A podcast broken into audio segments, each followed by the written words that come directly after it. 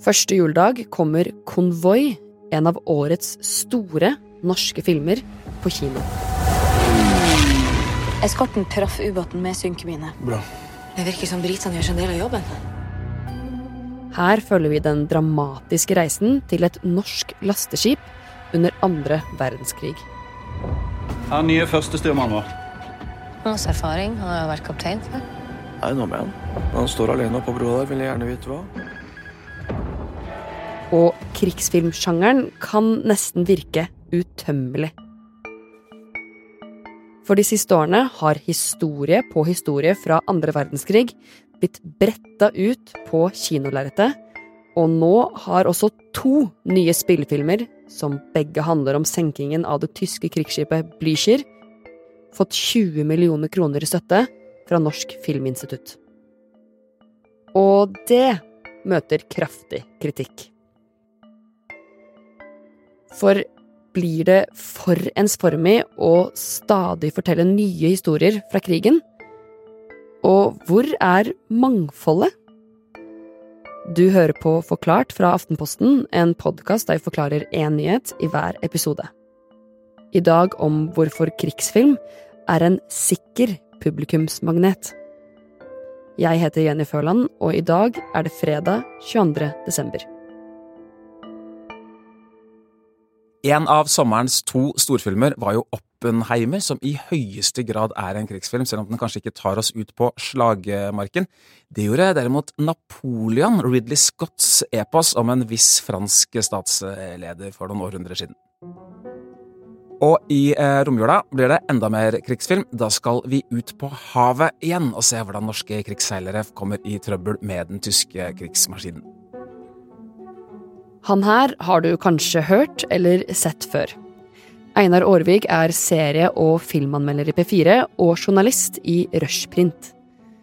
Og de siste årene så har det balla på seg med filmer om nordmenn under andre verdenskrig. Men faktisk så har fascinasjonen for krig alltid vært der. Ja, altså hvis man ser på den eldste litteraturen da i verdenshistorien, altså Iliaden og Odysseen og greier, det er jo krig. Krig er veldig fascinerende. Krig er veldig eposk. Shakespeare er full av uh, krig. Så man, man, kommer ikke unna det. Og det er også et veldig sånn filmvennlig uh, tematikk da, å gå, uh, å gå inn i.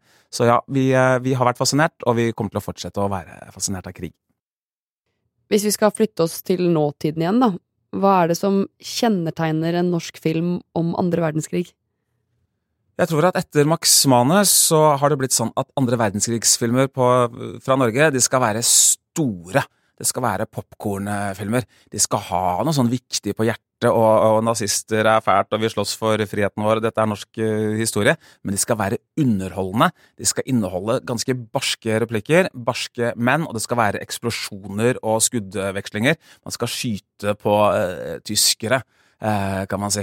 Og det er nettopp det med andre verdenskrig også. Det er en krig uh, uten så mye sånn gråsoner. Uh, det er onde nazister mot heltemodige frihetskjempere i, i, Norge. Så det er et veldig lett utgangspunkt da, å ta tak i når man skal lage actionfylte, litt sånn ja, svart-hvite historier, kan man si. Og lista over norske krigsfilmer fra de siste årene er blitt lang. Det er Max Manus. Vi skal begge dø. Men det er bare jeg som kan dø med smil om munnen, for jeg vet at vi kommer til å vinne. Den tolvte mann. Kongens nei. Men oberst, hva om vi tar feil? Kanonen i posisjon! Kom inn, kommando! Krigsseileren.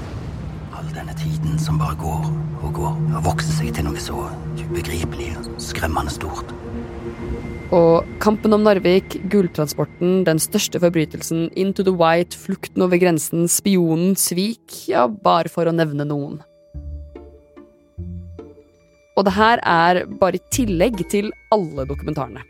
Max Manus den ble sett av 1,1 millioner eh, nordmenn. Da den kom i 2008, så var jo store deler av publikummet folk med ganske tett forhold til andre verdenskrig selv. Eh, Kjakan Sønsteby ble jo på en måte en del av lanseringen av den. Og de har jevnt over gått veldig bra. Det har vært en publikumsmagnet, et ganske sikkert kort da, for norske filmprodusenter. Andre verdenskrig, vil jeg påstå, det har blitt et slags varemerke. En, eh, en label. da. Når du setter den på filmen din, jo, da får du publikum. Og det kan være den suksessen produsentene drømmer om når nye storfilmer skal komme. Også neste år. Til høsten kommer både nummer 24 om nettopp Gunnar, eller Kjakan Sønsteby, og Erik Poppes film Quislings siste dager. Nylig ble det klart at Norsk Filminstitutt har gitt penger til to filmer om eh, natten for invasjonen, altså 9. april 1940. Ikke bare handler de om det samme døgnet, men de handler også om det samme stedet, eh, nemlig eh, Oscarsborg festning i eh, Drøbak. Og den handler også om den samme personen, nemlig oberst Eriksen, som beordra at det innkommende tyske krigsskipet Blücher, ja, det skulle bli skutt på. Og de, begge disse historiene virker som de skal da inn i beslutningsgangen. Han Eriksen ble en kontroversiell figur og ble vel, måtte vel stå til rette for denne avgjørelsen etterpå, noe han oppfatta som veldig urettferdig. Og ja, Forskjellen mellom disse to filmene den er litt uh, uklar, men den ene har dobbelt så høyt budsjett som den andre. Nå stiller flere seg det samme spørsmålet. Hvorfor går offentlige filmpenger til to filmer om samme døgn.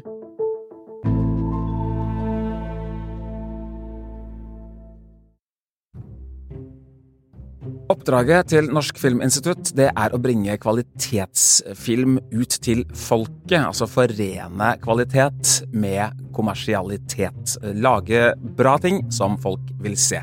I tillegg har de et uh, sterkt mandat om å fremme mangfold, om å speile dagens uh, komplekse og moderne Norge. Når en film skal lages i Norge, så kan man søke om midler fra Norsk Filminstitutt. Det her er penger som de får tildelt fra statsbudsjettet. Og pengene går til produksjoner i ulike kategorier, som dokumentarfilm, serier eller spillefilm. Og det er ikke sånn at du må søke om penger fra NFI for å lage film, men de aller fleste gjør det. Og den største potten går til produksjoner ment for kinopublikum. I år gikk pengene til to barnefilmer og to krigsfilmer. Og det begynner å bli mange av dem etter hvert. Det lages jo nesten ikke historiske filmer fra andre perioder. Det er disse fem årene fra 1940 til 1945. De vet vi etter hvert ganske mye om fra film. Resten av norgeshistorien, den er helt underbelyst. Vi vet ingenting fra film om hvordan det var å være nordmann rundt 1900, f.eks.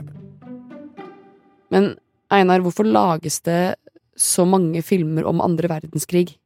At andre verdenskrig har blitt en så stor merkevare, er fordi den er så kjent, det er så altomfattende. De aller fleste nordmenn har en slektning, har noen besteforeldre, kanskje til og med foreldre, som har vært inne i andre verdenskrig og blitt berørt. Det er historier som gjenfortelles i alskens uh, familier. Det er jo de mest, altså fem mest dramatiske årene i moderne norsk uh, historie, og det er fortsatt ganske nært, da. Likevel så har det kommet en del kritikk mot NFI etter at altså to filmer om samme hendelse fikk filmstøtte. Filmene Blücher og Natt til niende. Det er ensformigheten, altså hvor mange ganger skal Blücher senkes, da, som regissør Rune Denstad Langlå spurte i en kronikk i Rushprint eh, tidligere her. Eh, det er andre verdenskrig, altså vi har sett det så mange ganger. Eh, det er også det at når man lager krigsfilm, så blir det menn det er gjerne menn som lager disse filmene. Det finnes noen hederlige unntak eh, der. Og det er også menn som spiller i dem. Det er menn som spiller heltene, menn som spiller skurkene. Damene de er gjerne redusert til sånne koner eh, hjemme eller tilfeldig på forbipasserende på gata, omtrent. Også her finnes det unntak, som eh, Den gode spionen med Ingrid Bolsø Berdal i eh, hovedrollen. Barnefilmen Flukten over grensen det var regissert av Johanne Helgeland. eh, så det er, ikke, det er ikke helt kølsvart og bare pølsefest, dette her. Men det er hovedsakelig menn som lager disse filmene, og det er hovedsakelig menn som spiller i disse filmene. Og det går også an å tenke seg at uh, et stor andel av publikum også er menn. Kritikken kommer også fra flere steder. Regissør Emilie Beck sier til Aftenposten at hun lurer på om det er barnefilm eller krigsfilm hun må lage for å lykkes, og at alle krigsfilmene lager en kjønnsubalanse. Erik Poppe, som selv har laget Kongens nei og nå lager filmen om Quisling, har sagt i et intervju med NRK at han mener krigsfilmene gjentar seg selv. Og NFI erkjenner at ordningen trenger å gjennomgås, annet for å sikre større variasjon. Denne gjennomgangen er de allerede i gang med. De skriver også i en e-post til Aftenposten at de to Blücher-filmene søkte om støtte i ulike kategorier, og dermed konkurrerte de ikke mot hverandre.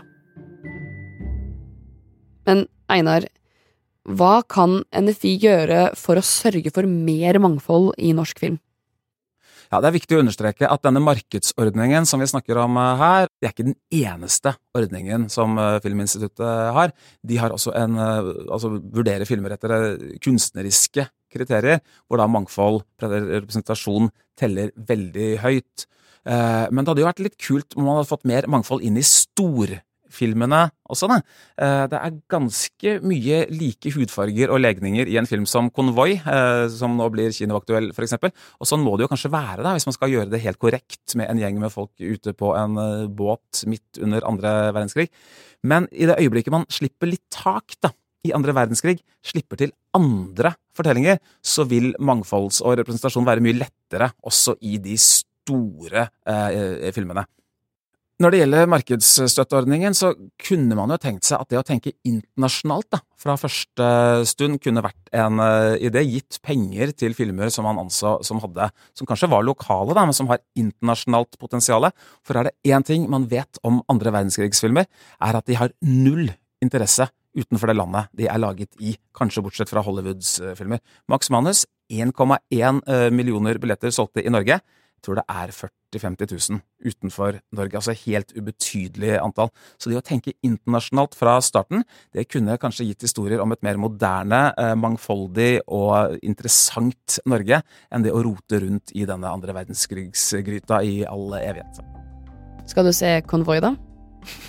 jeg har sett Konvoi og koste meg veldig eh, med den. Det handler ikke nødvendigvis om kvaliteten på filmene, dette her, men mangfoldet. At det blir mye av det samme igjen og igjen og igjen og igjen.